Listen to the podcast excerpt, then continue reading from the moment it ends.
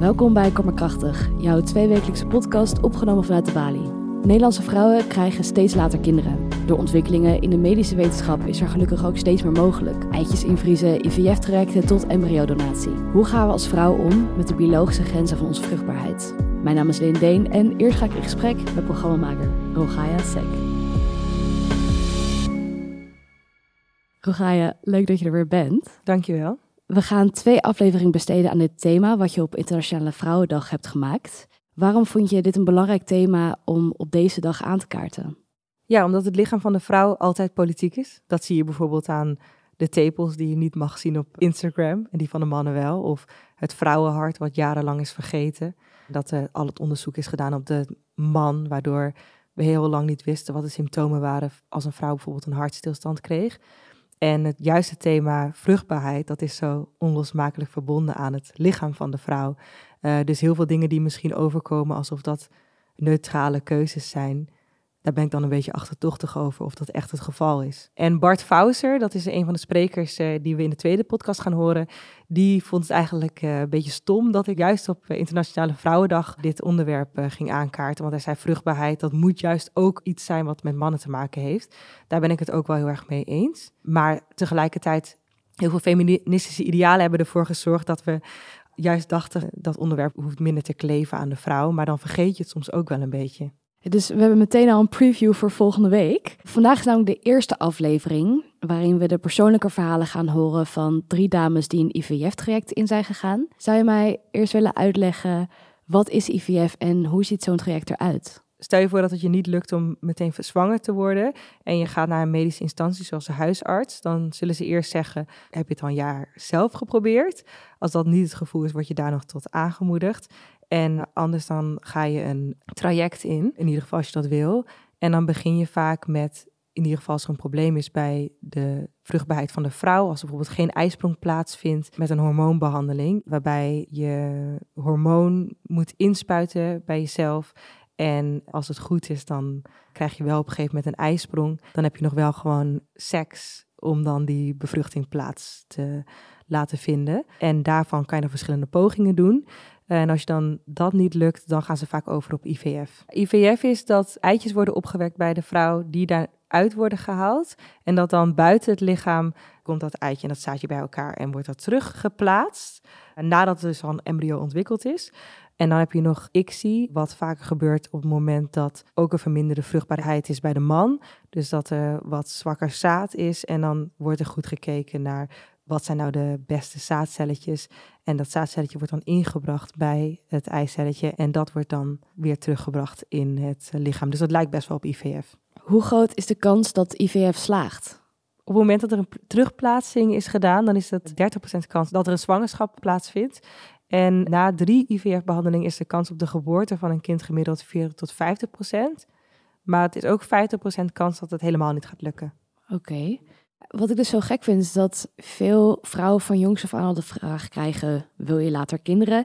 En voor mij voelde vruchtbaarheid daardoor altijd als iets heel vanzelfsprekends. Dat de mhm. kans dat er iets mis zou zijn zo klein is. Er zijn zoveel behandelingen en ik zie nu ook om me heen dat de realiteit toch wel echt anders is. Is vruchtbaarheid wel een thema waar we genoeg over praten? Mm, ja, het doet me ook een beetje denken wat je zegt aan dat op de middelbare school het heel vaak gaat om hoe zorg je ervoor dat je geen kinderen krijgt. Dat je daar heel lang mee bezig bent. En op een gegeven moment dan kom je op een leeftijd, ik in ieder geval op dit moment, uh, nu ik 30 ben, waarin mensen om je heen uh, kinderen proberen te krijgen. Dan kom je erachter inderdaad dat het misschien wat minder makkelijk is dan dat je hoopt. En ook, nou, het is natuurlijk een beetje de ongeschreven regel dat je niet praat over de eerste drie maanden als je zwanger bent. Omdat er dan nog een hele grote kans is dat het mis kan gaan. En blijft misschien wel het idee bestaan dat het vanzelfsprekend is. Al heb ik wel het gevoel dat er wel wat meer over gesproken wordt. Wat denk je dat de impact is van dat we hier niet zo ontzettend veel over praten op koppels waar het niet bij lukt? Dat zul je zo meteen ook horen in de podcast. Maar ik denk dat je komt echt een beetje in een wachtstand te zitten. Terwijl je eigenlijk in de bloei van je leven bent, om maar zo te zeggen. Nou, je natuurlijk altijd een soort van in de bloei van je leven. Maar wat ik mij ook besefte ineens is, je bent zo aan het leven naar de toekomst toe. Dus op je basisschool ben je bezig met de middelbare school. En op de middelbare school met wat, wat ga ik studeren, in mijn geval dan. En dan ben je een beetje gearriveerd als je op een gegeven moment een baan hebt. En stel je voor dat je dan op dat moment eigenlijk nog steeds zo erg in de toekomst aan het leven bent, omdat je het nog niet compleet voelt, omdat je graag een kind wil en dat niet lukt. En elke maand opnieuw je bijvoorbeeld ongesteld wordt en dan het weer niet gelukt is. Dankjewel, Gaia. Ik denk dat het tijd is om nu te gaan luisteren naar drie persoonlijke verhalen van Esther Huisman, Veerle Korstens en Petra Brinksma, gemodereerd door jou, Gaia Sek. Dankjewel.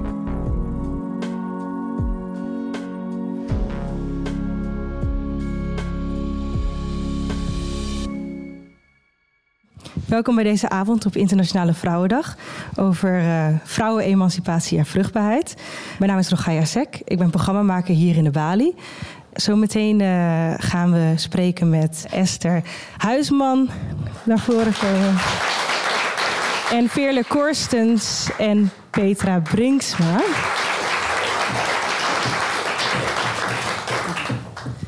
Um, en uh, jullie zijn alle drie, hebben jullie ervaring met vruchtbaarheidstrajecten. Veerle, uh, je bent 41 als ik het goed heb. Ik ben sinds gisteren 42. Oh, gefeliciteerd nog. Dank je. um, en uh, je hebt een dochter ja. van drie. Ja. Ook niet sinds gisteren vier? Nee. Oké. Okay. En um, dat is met hulp van IVF. Ja, klopt. En nu ben je bezig met een tweede kind, maar dat gaat eigenlijk minder makkelijk dan. Het gaat een stuk minder makkelijker. Ja. Dat duurt, dat duurt al een jaar of twee. En wat, hoe heb je dat, deze, dat traject ervaren? Um, nou, de, de, eerste dochter was met IVF. Dat is op zich niet heel prettig, maar was wel de eerste keer meteen raak. Dus dat, nou, dat, dat dacht, nou, dat is lekker. En toen daarna, uh, nou, nu zijn we dus al twee jaar verder bijna. Nou, dat is gewoon heel, gaat enorm met ups en downs en enorm uh, gedoe. Het is vooral gewoon heel veel gedoe. En, en mentaal gedoe en fysiek gedoe. Ja. ja, dat is het eigenlijk. En dan gaan we zo meteen ook even verder praten in meer detail, denk ik. En Petra, komt dit je herkenbaar voor? Ja, zeker. Ja, wij hebben 13 jaar lang een kinderwens gehad. Uh, waarvan vijf tot zes jaar ongeveer in een, in een traject. En we hebben in Nederland en in België wij uh, trajecten gevolgd. Uh, we zijn begonnen eigenlijk met IUI. Waarbij het zaadje zeg maar, wordt ingespoten. en dan moet het eigenlijk zelf nog zijn werk gaan doen. Uh, ja, dat hielp bij ons niet. Dat hebben we zes keer mogen doen. En ja, dan kom je eigenlijk in de IVF-traject terecht. Um, ja, en ook daar uh, gingen we al vrij snel over op ICSI. En uiteindelijk Wat is daarmee wij... het verschil dan weer? Ja, IVF is dat het uh, zelf, het, uh, je hebt het eitje, het zaadje, het, moet, het zaadje moet nog naar het eitje toe en dan nog bevruchten. En bij ICSI heb je uh, het eitje, het zaadje en dan wordt het door het lab wordt, dat, wordt het zaad nog in het eitje bespoten. Sorry. Dus dan uh, ja, wordt dat uh, nog een handje geholpen en dan wordt dat zeg maar teruggeplaatst. Um, ja, en daar hebben wij ook uh, drie pogingen van gehad. En ook dat is helaas niks geworden. Dus uiteindelijk hebben wij zes terugplaatsingen van, embryo, van een embryo gehad. Ja. ja. Nooit een zwangerschapstest positief gehad. Nee. En uh, dan de derde, voordat we natuurlijk hier wat verder op ingaan. Uh, Esther, mm -hmm. je hebt op verschillende manieren eigenlijk uh, ja. dit traject aangegaan. Klopt. Ik ben eerst gestart met het traject met twee mannen, via meer dan gewenst, omdat ik niet hetero ben en wel een kinderwens heb. Um, daar wij, zijn wij gestart met IUI, of eigenlijk zijn we eerst gestart met, zelfinseminatie, niet gelukt. Toen zijn we overgegaan naar IUI. De tweede poging uh, was raak, maar werd een miskraam. Poging 8 was ook raak en werd een stilgeboren kindje. En uh, in 2021 zijn we ieder onze eigen weg gegaan. En sindsdien, uh, we hebben in dat traject ook twee IVF-trajecten gedaan. Zeven terugplaatsingen, geen zwangerschap. Um, en daarna ben ik met donorzaad verder gegaan uit Denemarken van de welbekende vruchtbaarheidsbank of uh, zaadbank moet ik zeggen. En daar heb ik ook IUI mee geprobeerd, geen zwangerschap. En uh, nu momenteel nog bezig uh, met het laatste IVF-traject, de laatste terugplaatsingen. Ik heb er nog drie. Mm. Ja, dus, en als we dan helemaal teruggaan naar het begin. Mm. Um, wanneer bedenk je van ik wil graag een kind en dat ga ik... en hoe ga ik dat eens, dat eens voor elkaar krijgen? Um, ja, misschien heb ik dat ooit wel bedacht toen ik heel, heel jong was. Maar of dat echt een hele bewuste wens was, weet ik niet. Misschien ook een stukje het hoort erbij. Maar op een gegeven moment dacht ik, ja, later als ik groot ben, ik ben nu 36, als ik wat wil, dan moet ik wel wat. En uh, toen heb ik wel gekeken van, nou ja, wat past dan bij me? En uh, dat werd die stichting uh, waar ik de papa's heb ontmoet. En dat klikte heel goed. Wij zouden samen gaan opvoeden. En het is ook een prachtig traject geweest. Het is heel mooi. En ja, inmiddels ben ik 43. Ja. Ja. En hoe was dat voor jullie?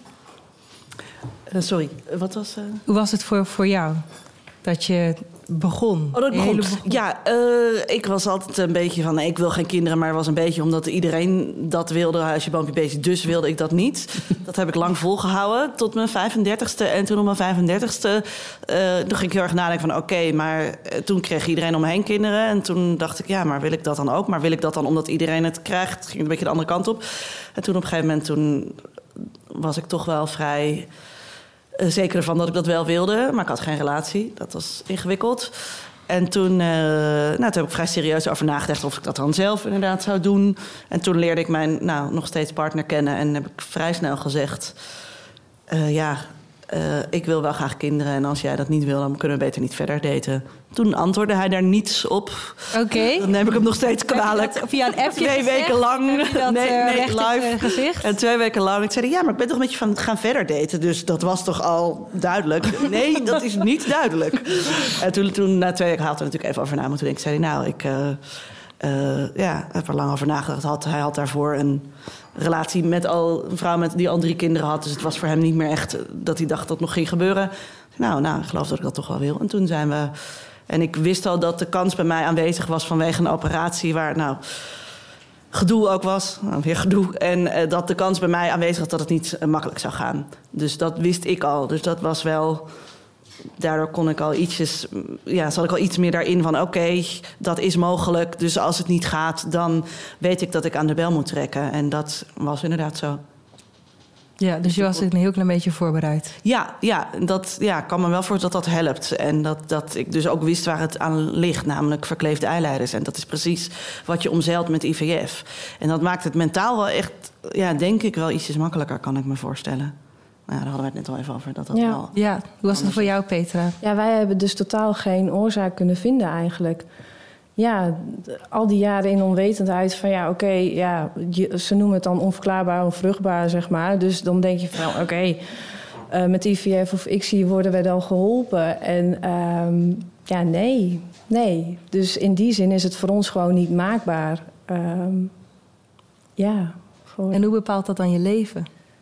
Ja, het is een groot onderdeel geweest. Uh, ja, ik, wij waren dan, nou, tenminste, ik was 28 toen we begonnen met de wens. En ja, je hebt gelijk al een soort van toekomstbeeld uh, in je hoofd en daar werk je jaren naartoe. Um, ja, en tot twee jaar geleden uh, ja, was dat nog steeds dat plaatje, totdat je ja, niet meer verder kunt. En nou ja, op een gegeven moment lichamelijk en geestelijk kon ik het ook niet meer verder uh, aan. Uh, hebben we ook gezegd van nou, dit, dit was het gewoon, dit, hier stopt het. Ja, en dan brokkelt je toekomstbeeld uh, brokkelt af. Ja, dus dat... En hoe was het om dan zo'n besluit te nemen? Ja, aan de ene kant weet Voelde je... als een besluit? Ja, nou ja, we hadden alle trajecten gevolgd. in Nederland konden we ook gewoon niet meer verder. We hadden geen pogingen meer die we vergoed konden krijgen. En op een gegeven moment merkte ik ook, nou ja, ik was al 41, uh, mentaal en, en uh, fysiek merkte ik ook van, joh, uh, ik zat al boven de maximale dosis qua hormonen. mentaal doet het gewoon heel veel met je. Ook op relatiegebied, sociaal vlak, alles ja, heeft bij mij wel echt, ja, is daarin verweven geraakt. Ja, op een gegeven moment was ik op, wij waren op. Ja, moet je ergens een grens gaan, gaan trekken, wat ja, heel moeilijk is, maar ja. En um, een grens trekken. Ja. Denk jij daar ook wel eens over na? Zeker. En uh, nou ja, omdat ik dus nu 42 ben, in Nederland kan je tot je 43ste eitjes uh, plukken. Zoals dat zo, zo mooi heet. Mm -hmm. En um, dus de, die grens is voor mij nabij. En soms vind ik dat eh, wel prettig. Omdat ik dan iemand anders voor mij dat besluit maakt. En dat het. eh, want ik zou het zelf moeilijk vinden om daarmee te stoppen, om zelf dat te doen. Ik dan heb toch het idee van ja, maar er, er kan nog iets, dus moet ik dat doen. Nou, dat is natuurlijk de hele maakbaarheidsgedachte. en, eh, maar ik denk wel dat het op een gegeven moment gewoon prettig is om te denken: nou, dit is het. Dat is heel verdrietig. Maar dat is het. En nu gaan we dat accepteren en pogen door te gaan. En andere momenten denk ik 43, 43. Wie heeft dat bedacht en waarom? En waarom is het in andere landen anders? En eh, ja, dan, dan vind ik dat weer ingewikkelder. En, maar ja, als ik zelf nu, ik hoor mezelf praten, denk ik 43, ja, het is toch hartstikke oud. Ja, dat zit natuurlijk ook ergens in, altijd ingebakken. Dat, dat, dat boven de 40 het heel oud is om kinderen te krijgen. Maar ja, we worden zelf ook veel ouder. Ja, god, nou, kortom, ik, chaos. Een verandering ook in eh, je gedachten over dat getal 43. Ja, ja, zeker. Dat, eh, ja, hoe dichterbij dat komt, hoe ingewikkelder ik dat wel vind. Ja, toch? Ja. Terwijl ik ook denk, ja, maar we hebben nu al zoveel geprobeerd. Als het nu niet lukt, dan, dan, dan, dan lukt het blijkbaar niet. En ja, het is ook, het is, ja, het is ook, het is niet super leuk. Dus het is ook wel lekker als dat op een gegeven moment klaar is. Ja, en heb je ook een voorbeeld van hoe dat dan je dagelijks leven beïnvloedt? Ja, een heel suf eh, eh, voorbeeld. Dat eh, wij een kamer hebben in ons huis waar we alsmaar niks mee doen. Want misschien wordt dat kinderkamer, maar we gaan er ook niet, weet ik veel, iets anders. Mm, We hebben een hele klerenkast die half uit elkaar valt. Maar afhankelijk van waar die kleren, of die daar komt of in onze slaapkamer, doen we daar niks mee. Inmiddels gaat, gaat die klerenkast op een gegeven moment echt in elkaar donderen. Maar ja, dat is een heel knullig voorbeeld. Maar dat, Ja. dat geeft wel goed weer hoe je soms een beetje daar tegenaan zit te hikken. Van ja, wat, wat gaan we nou doen? Ja. Willen we ook heel graag natuurlijk allemaal duidelijkheid en niet ja, Ja. weten waar we aan toe zijn. Niet in de wachtruimte zitten. Ja, dat is natuurlijk gewoon in de wachtruimte zitten, ja. En Esther, je was met heel veel dingen aan het meeknikken. Ja, ja Wat herkenbaar. Nou, ten eerste denk ik inderdaad, eh, om even terug te komen... ik denk ook echt dat je de moed moet hebben om te durven stoppen.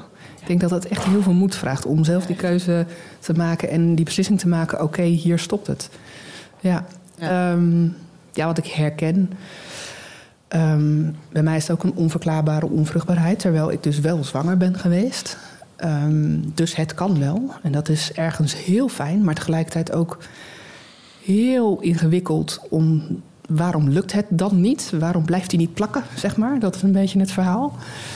Ehm, en ook ik was echt niet van plan er mijn, mijn hele leven mee bezig te zijn. Maar zes en een half jaar verder denk ik, nou... ja, je merkt het al, weet je, al is het alleen maar in de dagelijkse praktijk... dat je of aan het meten bent wanneer je vruchtbare periode is... dan heb je een terugplaatsing of een behandeling...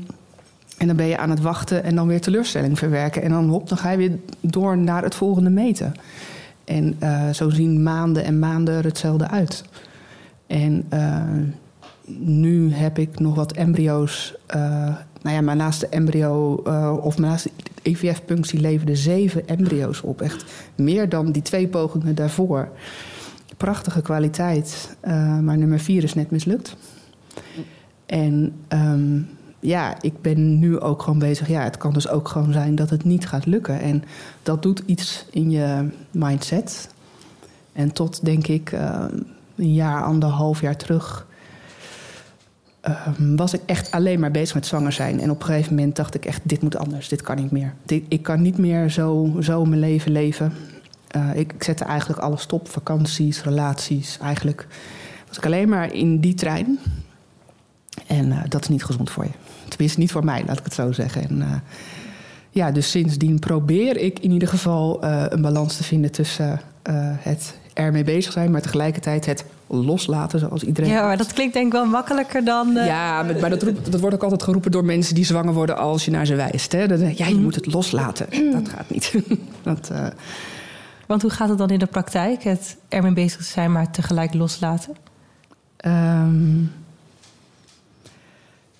ja, soms is dat echt letterlijk afleiding zoeken. Soms is dat letterlijk ook gewoon je wel verdiepen of wel bewust bezig zijn met eh, je sociale leven. Je wel eh, ehm, richten op een relatie willen. Je wel richten op eh, een nieuwe baan willen. En niet bezig zijn met ja, maar dat is niet handig, want straks ben ik zwanger. En dan is het niet handig als ik geen vast contract heb. Maar nou ja, dat soort dingen. Dus eigenlijk weer meer, meer voor jezelf gaan leven. En proberen over, te geven aan komt wat komt. Ja, want ehm, ehm, hoe heeft dat ook je werk beïnvloed? Want je hebt natuurlijk mentaal Mhm. ehm, dat je ermee bezig Ja. bent. Dan heb je ook nog hormonen die ook van alles eh, Ja. veranderen, zeg maar, eh, fysiek en mentaal. Eh, wat doet dat met het nog door een werkdag bijvoorbeeld heen komen? Dat kan lastig zijn. Ik heb een, een werkgever gehad. Nadat ik eh, een lange baan heb gehad van 13 jaar, ben ik naar een andere werkgever gegaan. En ehm, ja, niemand gaat dat ooit zeggen. Maar op een gegeven moment bij de tweede IVF-kuur eh, werd ik depressief van de hormonen. En ehm, ja, ik ben, ik ben er een tijdje tussenuit geweest omdat ik er gewoon doorheen, doorheen zat. En ehm, ja, de maand ervoor had ik nog een heel goed jaargesprek. En vervolgens werd mijn contract niet verlengd. En ja, niemand, niemand gaat zeggen het komt daardoor. Maar ik kan me niet, ja, en misschien is het niet, zo vul ik dat in. Maar dat is wel een, een vermoeden wat ik heb. En dat is wel lastig, want ik heb er ook altijd voor gekozen om er open over te zijn. Ja, Omdat ik gewoon, nou ja, dat zullen jullie kennen. Ik moet naar het ziekenhuis en nu. En zeker met IUI is dat vaak, dan moet je nu. En met IVF kun je het ietsje beter plannen als je geluk hebt. Maar ja, Wel heel vaak. Wel heel vaak. Ja, ja. Is een echo en dan is het nog eens een keer een terugplaatsing en dan nog een keer een. Ja. was er bij jullie ruimte voor? Ehm, tijdens je werk bijvoorbeeld? Ja. Eigenlijk wel. Heel toevallig viel het ook heel vaak op een vrije dag. Dus dan kon ik het ook nog een soort van verbloemen en wegdrukken. Maar, eh, ja, ja, maar ik, ik was er op een gegeven moment ook heel open over. En dat was ik in het begin helemaal niet. Want eh, er werd ook wel gezegd van hou het maar voor je. En het is, het is iets van jou. Dus heb het er maar niet over. Maar op een gegeven moment... Ja, wat je zegt, de hormonen doen heel veel met je. Dus eh, ik had ook heel vrij, vrij snel last van hoofdpijn of eh mood swings. En nou ja, dan is het misschien wel even prettig als mensen om je heen weten waar dat dan mogelijk vandaan kan komen. En het kan, ja. Ehm, maar als ik een afspraak gewoon wel eh, binnen werktijd had, dan was het gewoon heel eh, goed te regelen. Ja, ja. Dus daar was ik ook blij mee. Dat is overigens bij mijn huidige werkgever ook helemaal geen probleem hoor, wil ik even zeggen. Dus Die zich niet aangesproken anders. Ja, nee, precies.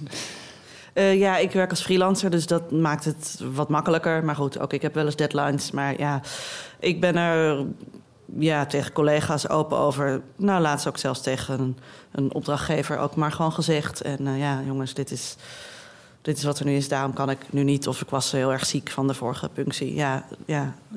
Dat, eh, ik vind het heel prettig om er wel eh, open over te zijn. Daar waren mensen best wel verbaasd over dat ik dat dan wel vertelde. En, en ja, ik vind het heel erg ja, moeilijk om dat niet te zijn. Want, want inderdaad, ja, je hebt inderdaad heel vaak dat je... Ja, dan moet je iedere keer weer een smoes gaan verzinnen... dat je weer naar het ziekenhuis moet. Of ja, weet ik veel.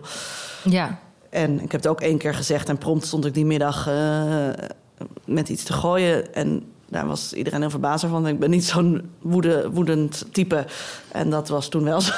Dus dat verklaarde wel een hoop. Dat was wel prettig. ja, dat had je van tevoren al gezegd. eh, Ja, ik had het toen net gezegd. En die middag misschien dat ook daardoor. Uh-huh. Dat ik het daardoor de vrije loop durfde te laten. En toen, nou, ik heb gewoon een boek gegooid. was niet super, inge- niet heel heftig hoor.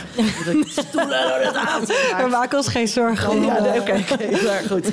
Maar ja, ik vond dat wel eh, prettig Ja. inderdaad. En ook, eh, ja, ook in andere situaties. Ja, dan als je geen alcohol drinkt en dan eh, ben je zwanger. Nee, ik ben niet zwanger. Het is wel prettig als mensen dat weten. Ja. Dat, dat, dat, dat een andere reden heeft. En dat het soms wel fijn is als mensen er naar vragen en soms niet. Ja. En Petra, jij hebt verschillende behandelingen gehad in Nederland en ook op een gegeven moment naar Gent, geloof ik. En Ja, andere Gent Belgische- en Leuven, ja. Ja, wat, eh, waarom eh, ging je de grens over? Nou ja, wij, ehm, op een gegeven moment was ik ook op Instagram eh, wat, eh, nou ja, wat gaan delen. En dan merkte ik ook van ja, eh, er gingen wat lotgenoten naar Duitsland of naar België. Wij hebben gekozen om dan in België eens te gaan kijken wat ze daar deden. En daar doen ze net even andere onderzoeken. Ze gaan net even wat verder in je bloed onderzoeken. Ehm, eh, ook een, een hysteroscopie heb ik daar gehad, wat ze ook wel in bepaalde ziekten. Ja, dat is een heel fijn onderzoek. Nee, helemaal niet. Eh, dan gaan ze dus kijken in je baarmoeder of je verkleving hebt of eh, eh, dat soort. Mhm. En nou, dat was bij mij allemaal wel goed, maar dat hebben ze bij mij in Nederland nooit gedaan. Uh, terwijl dat wel in een aantal ziekenhuizen in Nederland wordt gedaan, geloof ik hoor. Um, en um, volgens mij zaten daar ook net even qua hormonen, qua dosis, wat. Ik ga even jou maar kijken. Volgens mij wat, wat maximaal. Ja, ik mocht daar wat meer uh, hormonen spuiten. Want hormonen, ja, het sloeg bij mij wel aan, maar het mocht net wel een tandje meer. Um, en dat, dat kon in België. Um, maar ja, ook daar uh, zijn we niet geholpen. Tenminste, niet om zwanger te kunnen raken. En was het ook omdat je te ontevreden was over de zorg hier? Of dacht je gewoon van ik moet gewoon alles uit de kast halen en verschillende nou ja, dingen proberen? dat. Ja, ja. We, hebben te, nou, we zijn in Gent geweest, maar we zijn later ook nog bij een arts in. Uh, uh, zij, zij werkt samen met de kliniek in Leuven. -hmm. En uh, bij haar hebben we uiteindelijk ook nog weer een, uh, een scan. Of heb ik een scan gedaan, een MRI-scan. En daar werd wel gezien dat ik een, mogelijk afwijkende vorm van de baarmoeder had. Wat normaal gesproken een kelkvorm zou moeten zijn, was bij mij een soort van T-vorm. En daar um, uh, ben ik aan geopereerd. Hebben ze een correctie uitgevoerd. En dat zou dan ook betekenen dat de baarmoederwand wat uh, beter doorbloed zou zijn. Waardoor de embryo uh, ja, zich beter kan innestelen. En daarna hadden wij nog één poging te goed. Maar ja, ook die ehm, ja, is niks geworden. Dus dat, ja, ja. ja, en waar had je, zijn er dingen waar je meer behoefte aan hebt, zou hebben gehad in nou, behandelingen? Meer het persoonlijk aspect. Ik, uh, ik heb me vrij vaak, wij hebben ons vrij vaak best wel een nummertje gevoeld. Uh, patiënt zoveel, zoveel. Terwijl wij wel heel erg het gevoel hadden van joh, wij kunnen nou ja, niet zwanger raken. Wij leggen ons kinderwens en, en hoop en alles leggen wij in jullie handen Mhm. van de artsen. En het voelde soms van, oké, okay, ik moet even het dossiertje op zoek. Jij bent die en die. En dan hadden ze, hadden ze nog niet echt het idee wie ze nou voor zich hadden. Dus ik merkte wel heel erg van, oké, okay, dat, dat de persoon, persoonlijke benadering had ik wel uh, wat, uh, nou ja, heb ik ja. wel gemist. Ja. Heb jij dat uh, ook gemist, Veerle? Nou, ik was eerst in het uh, AMC en daar uh, nou, vond ik ze heel empathisch en persoonlijk. En, en daar nou, ja, had ik dat inderdaad wel echt, dat, dat ze me kenden en vroeg hoe het met me ging. En, Uh, maar dan moest ik wel ook vaak lang wachten. En uh, op een gegeven moment bij de laatste uh, nu punctie zeiden ze... nou, wij hebben eigenlijk geen plek, maar in het VU wel. En die zijn geleerd aan elkaar, dus dan kun je terecht, wil je daar? Ik zei, nou ja, oké, okay, is goed. Nou, daar is het veel meer, je komt binnen... en je mag meteen ongeveer het echoapparaat mm. naar binnen schuiven. En, maar daar hoefde ik nooit te wachten. Dus het is wel een stuk efficiënter. Ja, ik weet niet zo goed wat ik nou liever heb. Dus jij denkt hoe minder empathisch, ja, beter ja, geregeld. heel gek. Gekke tegenstelling. Ik ben er nog niet uit wat ik nou... Ja, ja, het is ook wel lekker dat je, dat je heel niet... Als je al zo vaak moet, dat je dan niet ook nog weer een half uur, drie kwartier zit te wachten. Ja, ja ik weet het even niet. Ja, dat... hangt van de behandeling af, denk ik. Wat voor soort... Uh... Ja, want het is ook zeg maar die echo. Je op een gegeven moment je hoef je ze niet iedere keer weer dat uit te leggen. Want ja, nee. ik heb het al heel vaak gehad, dus ik hoef ja. niet iedere keer. En soms is het wel heel prettig als ze even vragen hoe het met je gaat. En soms hoeft dat ook helemaal niet. Denk ja, uh, oké, okay, prima. Controle, oké, okay, ja, nee, wat gaan we doen? Ja, dus ja, ja, ik, ja, het is een beetje... Ik weet nog niet zo goed wat ik uh, uh, nou beter, liever heb. Ja. Um, ik heb eigenlijk vanaf het begin af aan bij traject bij Medisch Centrum Kinderwens gezeten in Leiderdorp. En ik moet zeggen, ik vind wel dat ze daar uh, behoorlijk goed zijn in het empathisch zijn en meeleven. En ook maatschappelijk werk is daar aanwezig om de trekken te begeleiden.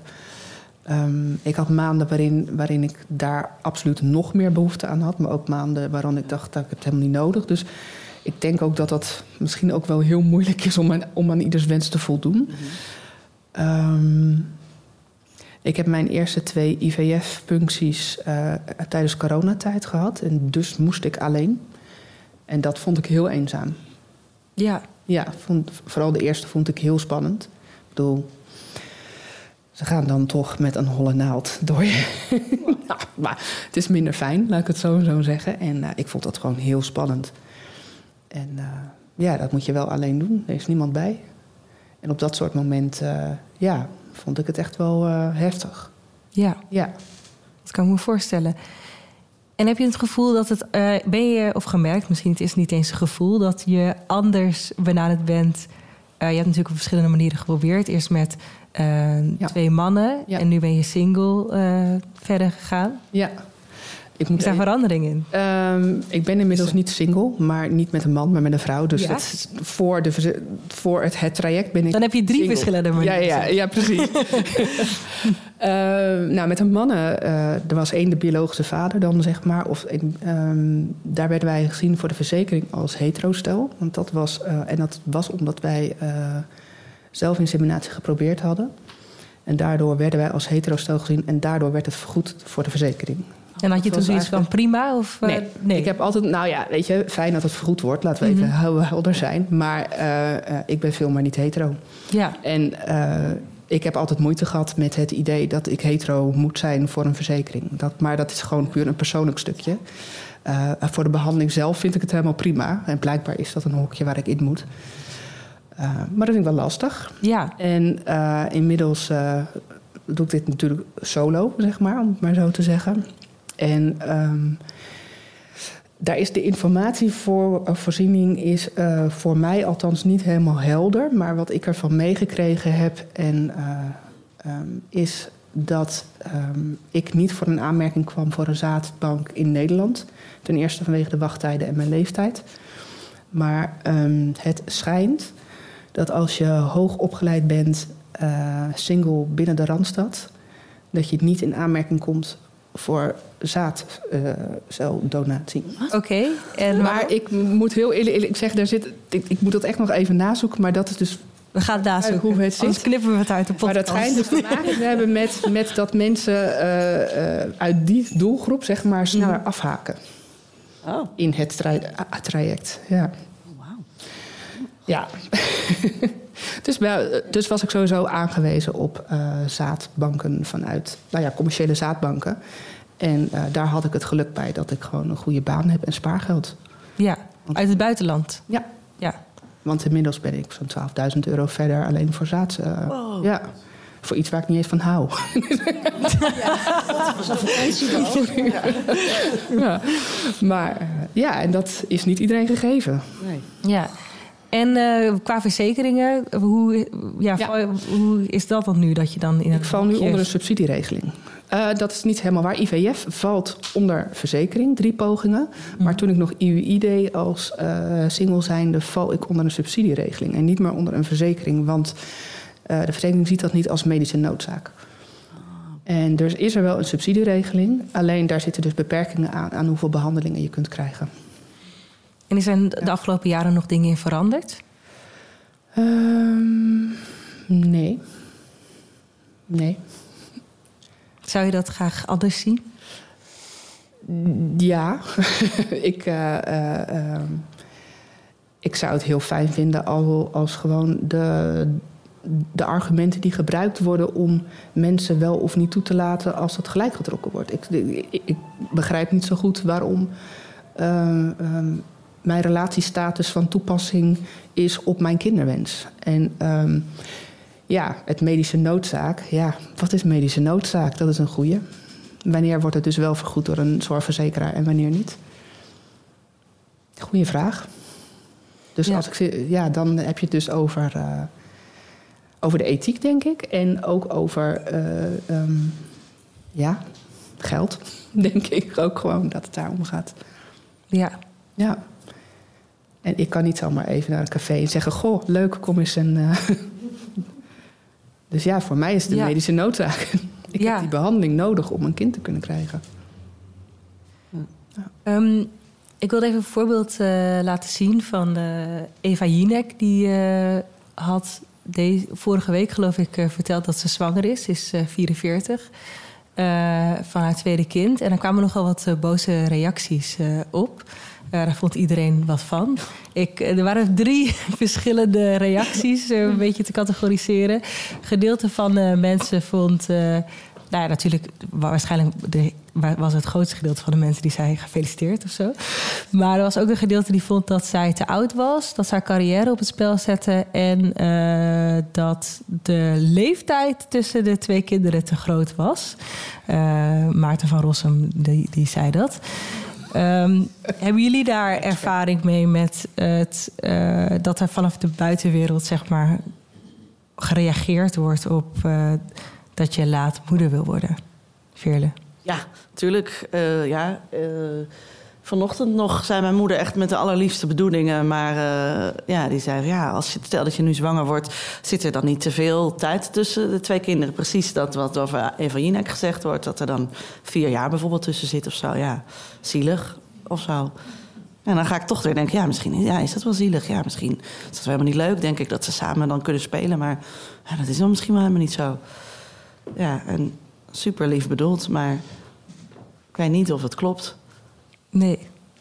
En dat Maarten van Rossum iets vindt van de zwart. Van hier is toch echt te expert natuurlijk op dit gebied. Ja, come on. Mensen nemen wel heel serieus. Ja, en, en, zeg maar met het later... Uh, moeder worden, ja, daar denk ik nu anders over dan tien jaar geleden. Dan had ik denk ik ook gedacht, ja, na je veertigste droeg. En, uh, en nou, nu zie ik ook wel voordelen ervan, namelijk als ik mezelf vergelijk. Ja, wat voor voordelen met, zie je? Met, uh, nou, dat, dat ik al iets meer. Uh, denk iets stabieler in het leven sta dan tien jaar geleden. Dat ik iets meer daarover heb nadat ik bovendien bij heel veel mensen om me heen van alles kan afkijken aan opvoeding. En dat ik dan heel zo van, oh, dat wel, dat niet.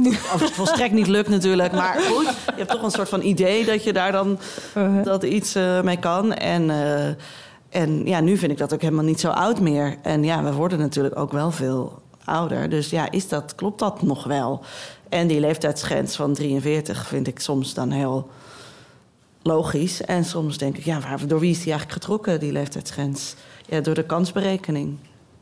Ja. Maar en... maken andere landen daar andere keuzes in met dezelfde kansberekening. Dan denk ik niet dat, ze, dat de kans in Duitsland ineens groter is of kleiner. Nee, inderdaad. En Peter, heb jij daar last van gehad van ideeën die er zijn over moederschap vanaf de buitenwereld?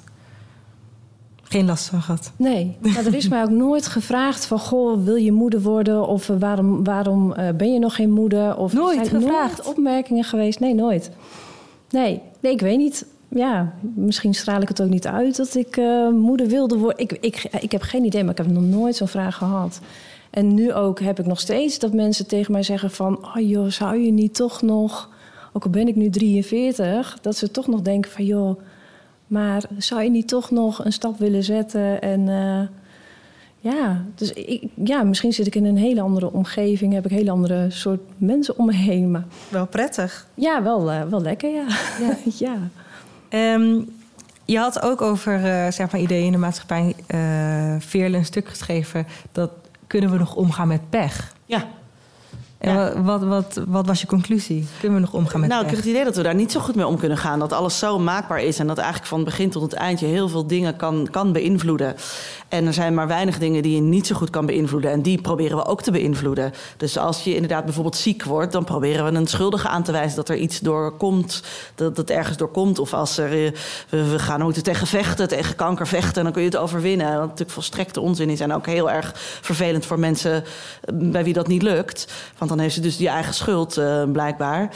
En, uh, en ik heb dus een keer in het ziekenhuis dat er iets misging tijdens een operatie. Weet je, voor een operatie zeggen ze altijd één op de duizend mensen. Uh, ja, uh, kan iets, kunnen complicaties, zo'n vaag woord waar, je niet weet. Nou, ik was die één op de duizend. Nou, en echt iedereen die ik dat toen daarna, toen ik uit het ziekenhuis was, vertelde, zei: Maar was het een medische misser? En moet je die arts uh, op het matje roepen? Ik zei: Ja, weet ik veel. Ik heb gewoon echt botte pech gehad.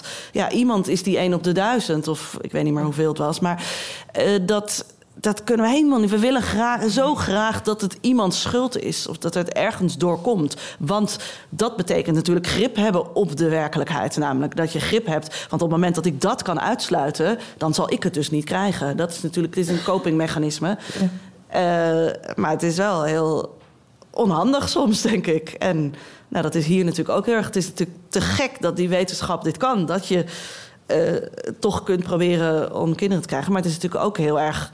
Daardoor blijf je heel erg in de wachtruimte natuurlijk zitten. Ja. Vraag is of dat je leven beter maakt of niet. Merk je dat, Petra? Want jij hebt ook een coachingstraject uh, ben je gestart. Of je, je bent uh, coach. Mm -hmm. ook voor vrouwen die eigenlijk een beetje door hetzelfde heen gaan als waar jij doorheen bent gegaan of nog steeds doorheen gaat. Ja.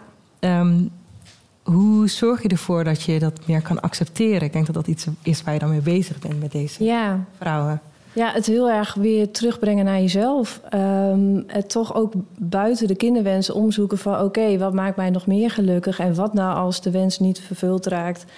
Ehm, ja, hoe ga ik mijn leven dan inrichten? En eh, ja, echt weer terugkomen bij jezelf. En ik heb, wij hebben natuurlijk ook gemerkt dat als je naar het ziekenhuis stapt, dat je, dat je denkt van oké, zij gaan ons zwanger maken. Mhm. En zo doet het ziekenhuis het ook wel een beetje van joh, straks als jij zwanger bent, dat zijn soms ook wel de uitspraken die achteraf gezien best wel gevaarlijk zijn. En ja, waarvan ik op dat moment ook best wel een soort van hoop kreeg, maar ook aan de andere kant ook wel weer verdrietig maakte van ja, maar je weet helemaal niet of ik inderdaad wel zwanger ga worden. Dit zijn best wel ja, heftige uitspraken. Ehm, maar goed, ja, inmiddels weet ik dat het, dat het dus inderdaad niet zo is van... joh, je stapt naar het ziekenhuis en uh, uh, daar leg je ook inderdaad een controle neer... en, en de grip leg je bij hun neer. Uh, ja, dat het dus ja, dat het niet altijd zo werkt. En ja, ik heb het uiteindelijk ook echt meer bij mezelf moeten gaan zoeken van... oké, okay, ja, dit gaat dus inderdaad niet lukken... Um, ja, wat nu? En ja. daar is de coaching ook uit ontstaan. Dat ik dus nu andere vrouwen mag helpen. En ja. En Esther, voordat we nog naar de, zo meteen naar de zaal gaan. Um, ja, het leven is niet maakbaar. Als ik dan even gewoon teruggrijp naar het verliezen van mijn kindje. De dag ervoor had ik een, een prachtige pret-echo en alles was goed. De dag erop bra braken mijn vliezen en het was voorbij. En um, voor iemand die erg van regie houdt, dat wie niet trouwens, maar um, ja, heb ik wel geleerd dat, uh, dat het, je hebt het helemaal niet in de hand. Er zijn heel veel hulpmiddelen, dat is heel fijn. En ook in dit traject ook van um, IVF betekent helemaal niet dat je zwanger wordt. Hè? Mensen die roepen, oh, dan doe je toch IVF? Ja. ja. Nee. Het leven, nee, zo werkt het leven dus gewoon niet. En uh, soms, vergeet, soms vergeet ik het zelf ook even dat het zo niet werkt. En dan ga je toch weer mee in dat circus. Tenminste, althans, ik heb dat wel gehad. En dan inderdaad, wat jij zegt, ja, dan moet je dus echt weer terug naar, naar jezelf. Van, oh ja, wacht even.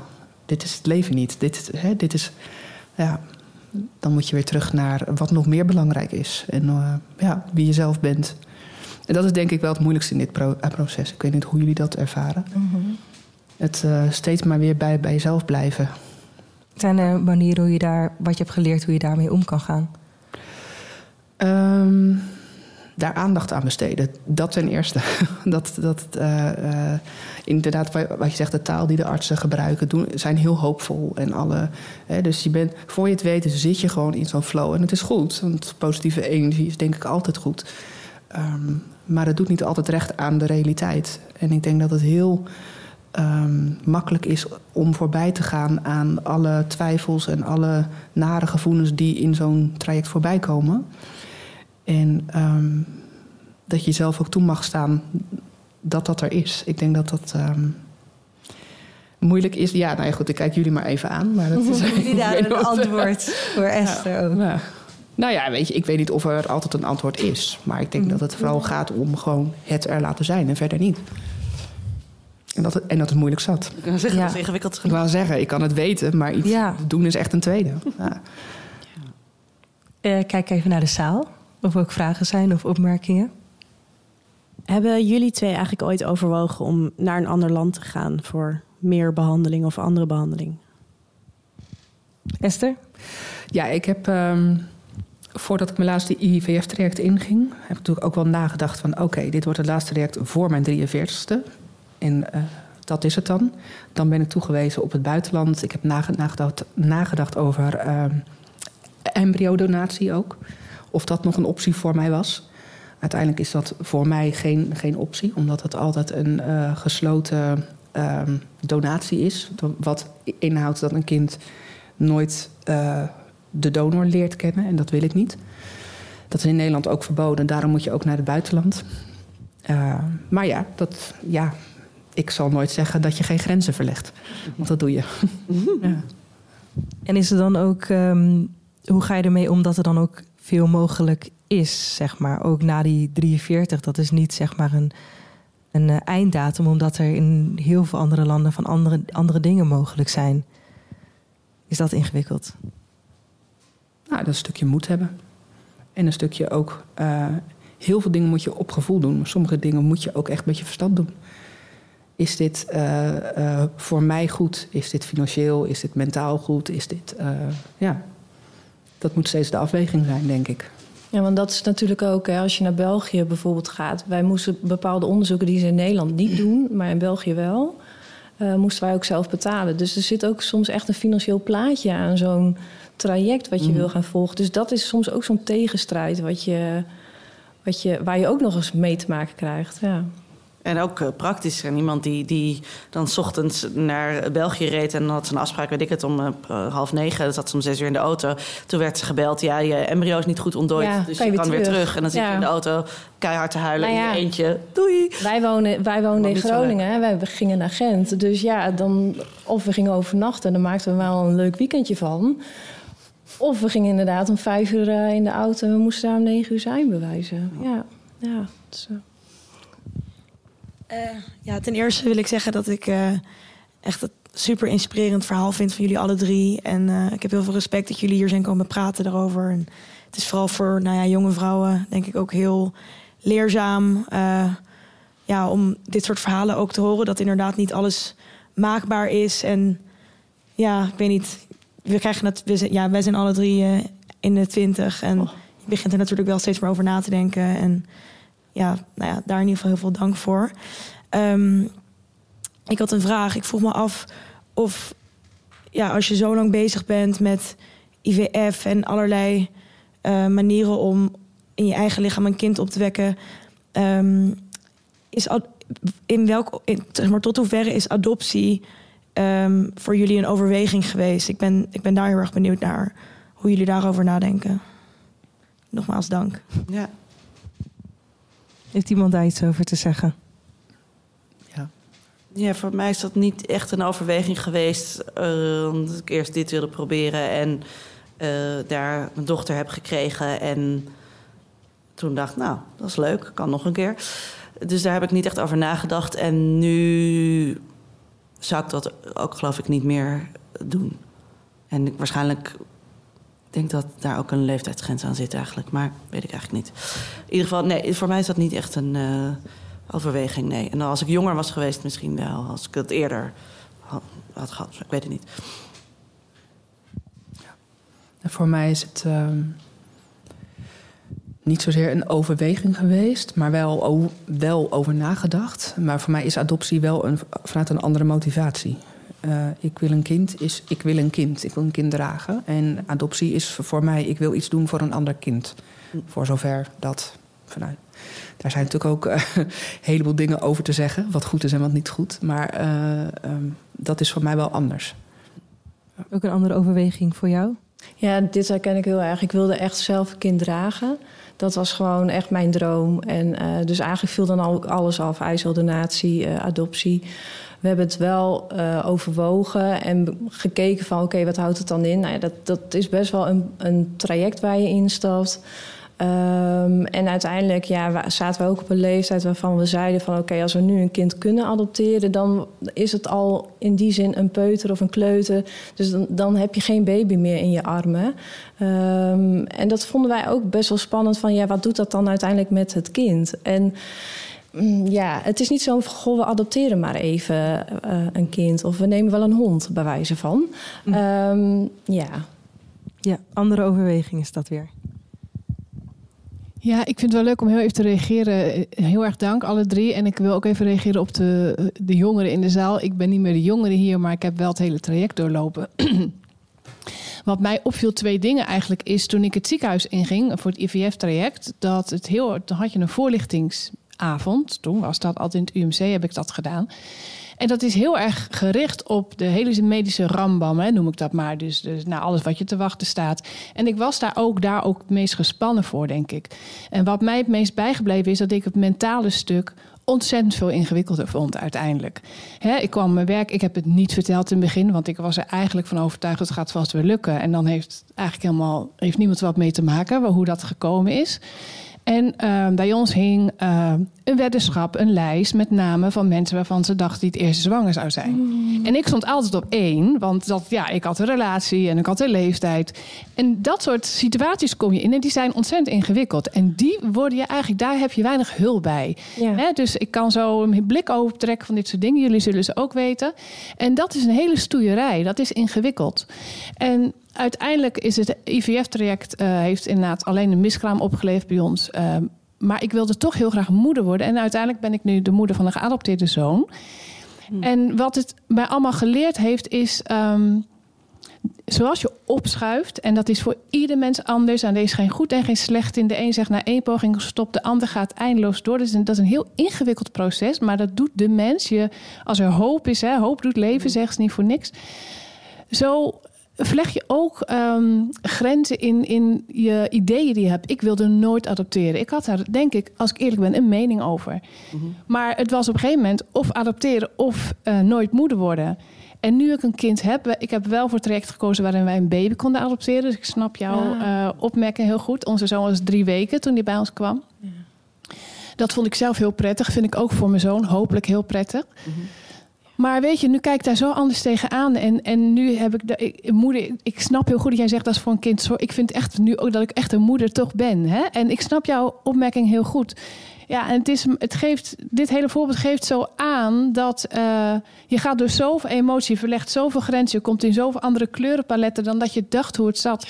Ook mensen die tegen mij zeggen: uh, Ik weet hoe het zit, ik zou dit nooit doen. Ja. Mensen geloven ze niet, want je weet nooit, echt, je weet nooit wat je zal doen, echt niet. Ja helemaal mee eens. Dankjewel voor die uh, bijdrage nog. Um, ja, ik wil graag een hartelijk applaus. Maar daarvoor wilde ik nog heel eventjes zeggen dat ik uh, uh, Veerle Korstens, dat jij een podcast ook mee bezig bent. Dus ja. ik weet niet wanneer die uitkomt, weet je misschien zelf ook niet, maar hij gaat heten. Uh, maar je hebt er toch al eentje? Ja, je hebt er toch al eentje. Dus ja. dat laat ook een beetje zien waar het over gaat. Ik ben echt heel benieuwd.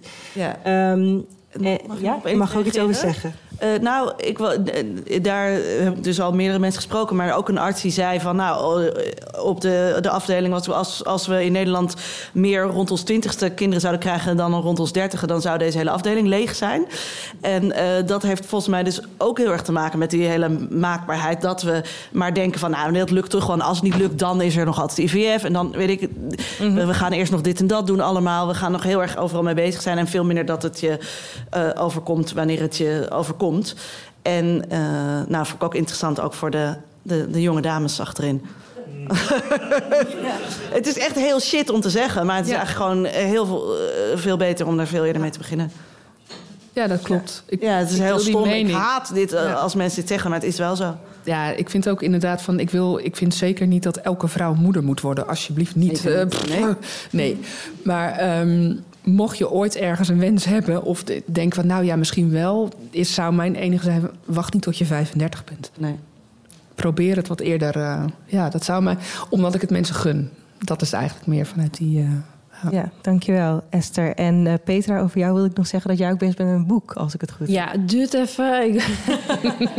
Niet snel, maar het is echt vanaf het beginmoment echt dat wij naar, naar de huisarts zijn gestapt, tot eigenlijk tot aan nu uh, het hele mentale en uh, trajectgedoe. Ja. En nu dan een hartelijk applaus. Deze drie vrouwen die hun ervaringen wilden delen zo open.